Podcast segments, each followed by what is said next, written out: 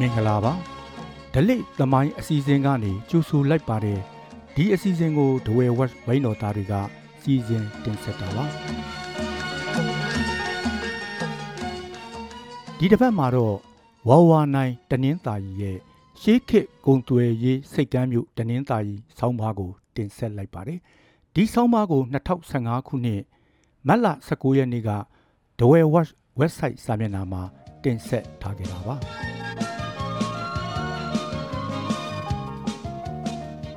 ရှေးခေတ်ဂုံသွယ်ရေးစိတ်ကမ်းမြို့တနင်းသာရီနတ်ဖွဲ့ခံထားရတဲ့မြို့ခေါင်းစဉ်ဖြစ်တနင်းသာရီဂျာနယ်မှာ ကျမဆောင်းပါးတစ်ပုဒ်ရေးခဲ့ပူပါသည်လူသိနေလွန်းလှသော ကျမတို့တနင်းသာရီမြို့လေးအကြောင်းကို ရေးသားထားခြင်းဖြစ်သည် အမှန်ပင်လူသိနေလွန်းလှပါသည် တိုင်းကိုသာတည်ပြီးမြို့ကိုမတိသောမြို့ဟုကြပြားဆရာနောင်မင်းခက်ကဆိုထားပါသေးသည်သိတ်ကိုမှန်ပါပေသည် Facebook ပေါ်မှာတငယ်ချင်းအစ်စ်များဖြင့်တယောက်အကြောင်းတယောက်မိတ်ဆက်ကြတော့ကျမကိုဘယ်မြို့ကလဲဟုမေးတတ်ကြသည်တနင်းသာရီကပါဟုပြန်ပြောလျင်တနင်းသာရီတိုင်းကလားဘယ်မြို့ကလဲဒဝဲမြို့ကလားဟုအမြဲတမ်းပြန်မေးတတ်ကြပါသည် ကျမက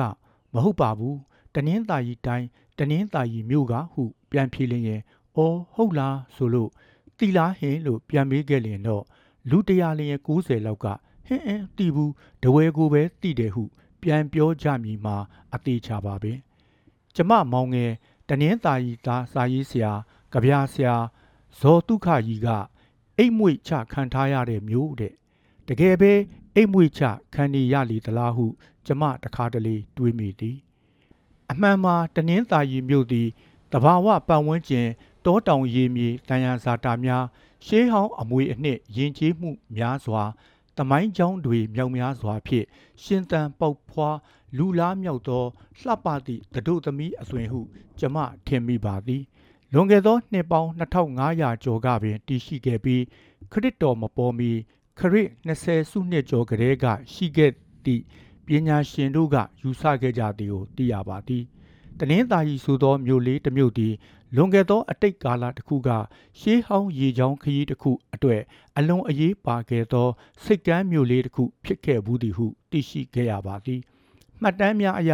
ကမ္ဘာအရှေ့ပိုင်းကုန်ပစ္စည်းများကိုတရုတ်ကမ္ဘောဒီးယားဗီယက်နမ်ထိုင်းတို့မှကုန်လန်းခရီးဖြင့်တနင်္သာရီဒေသသို့တင်သွင်းလာပြီးကမ္ဘာအနောက်ကုန်ပစ္စည်းများကိုပါရှားပင်လယ်ကွေ့နှင့်အိန္ဒိယရေချောင်းခရီးစဉ်အဖြစ်တင်သွင်းလာခြင်းဖြစ်သူသိရှိခဲ့ရပါသည် အိန္ဒိယနှင့်ဥရောပသားတို့ကတနင်္သာရီကိုဖျက်လျက်ထိုင်းနိုင်ငံတရုတ်နိုင်ငံတို့နှင့်ကုံသွယ်ချောင်းမူဒုံမြို့ကံကြီးစီဒီတပိုင်းကဖော်ပြထားသည်လဲသိရှိခဲ့ရပါသည်အာရနှင့်ပါရှားမှတ်တမ်းများကလည်းတနင်္သာရီသည်တရုတ်အိန္ဒိယပါရှားကုံသွယ်ရေးလမ်းကြောင်းပေါ်တွင်တည်ရှိသည်ကိုလည်းသိခဲ့ရပြန်ပါသည် AD 1160ရေးသားထားသောဟန်မင်းဆက်ရာဇဝင်အသစ်၌မြမစိတ်ကမ်းမြို့များ၏အမည်များတွင်တနင်္သာရီကိုတနော်တီရီဟုတရုတ်အမည်ဖြင့်ဖော်ပြထားသောစိတ်ကမ်းမြို့တစ်မြို့ဖြစ်သည်ကိုတွေ့ရသည် AD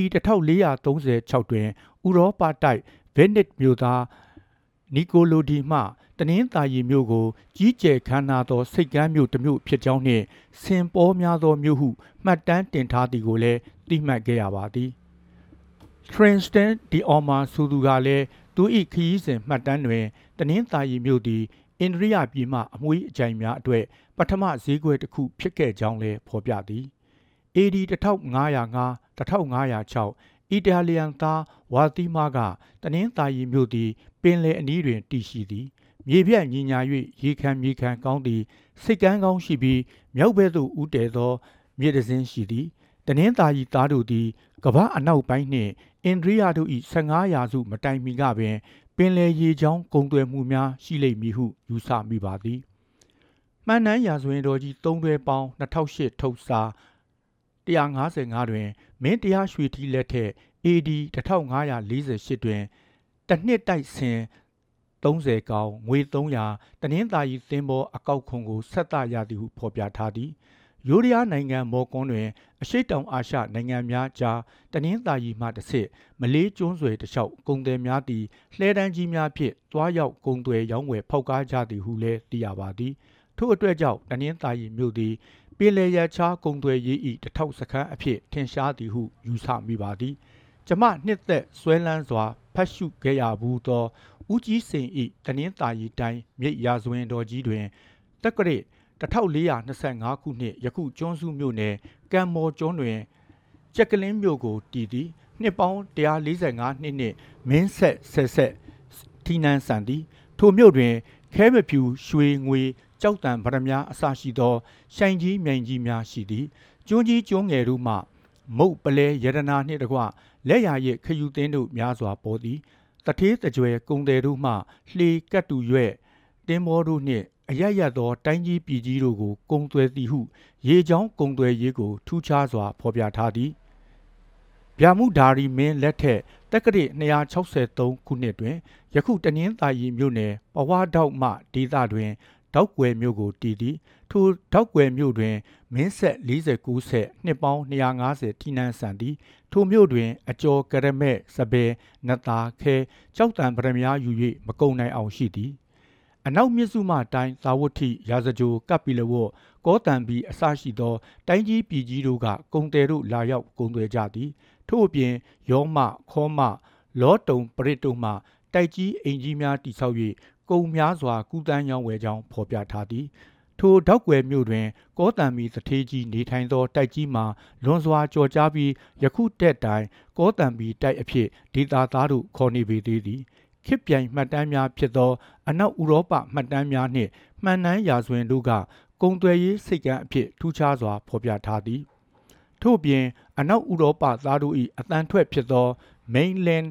mainland အတန်ထွက်ကိုအတီးယူ၍မူလအမည်ပြောက်ကတနင်္သာရီမြို့၏မြောက်ဘက်ခြမ်းတက်တဲ့တွင်မန်လီစိတ်ကမ်းအဖြစ်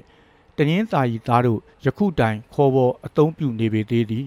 မန်လီရေစိတ်ကိုအစွဲပြု၍မန်လီလန်းဟုလည်းယခုတဲ့တိုင်ခေါ်ပေါ်အသုံးပြုနေသည်ကိုသိမြင်နိုင်ပါသည်အဆိုပါမန်လေရီစိတ်မှာယခုထက်တိုင်ရှိနေပြီးမူလပကတိပုံစံထက်ချိုယွင်းပျက်စီးနေသည်ကိုလည်းတွေ့မြင်နိုင်ပါသည်တိုင်းကိုသာတည်ပြီးမြို့ကိုမတည်သောတနင်္သာရီမြို့လေးကိုလာရောက်လဲပတ်ခဲ့ကြမည်ဆိုလျင်ရှေးခေတ်ကုံသွယ်ရေးစိတ်ကမ်းမြို့လေး၏အထင်ကရနေရာတစ်ခုအဖြစ်တည်ရှိခဲ့ဘူးသော မန်လေရေစိတ်တို့လိုက်ပို့ပေးခြင်းမိပါသေးသည်ဤဒီမှာတနင်္သာရီဒေသကိုကုံသွယ်ရေးတွင် နိုင်ငံခြားသားတို့ကူးတန်းသွားလာဖြတ်သန်းမှု၏အရေးပါသောဒေသတစ်ခုအဖြစ်ရပ်တည်ခဲ့ဘူးဒီမှာအမှန်အကန်ပါပဲဆိုတာသိရှိနိုင်ကြပါလိမ့်မည်ရှေးခေတ်ကုံသွယ်ရေးဤစိတ်ကမ်းမြို့လေးတစ်မြို့ဖြစ်ခဲ့ဘူးသောတနင်္သာရီမြို့လေးကိုဂုံယူစွာဖြစ်ဝိဖက် ခုတင်ပြခဲ့တဲ့ဆောင်းပါးကတော့ဝါဝါနိုင်တနင်္သာရီရဲ့ရှေးခေတ်ဂုံသွယ်ရေးစိတ်ကမ်းမြို့တနင်္သာရီဆောင်းပါးဖြစ်ပါတယ်အခုလိုနားဆင်ကြည့်ခဲ့တဲ့အတွက်ကျေးဇူးအထူးတင်ရှိပါတယ်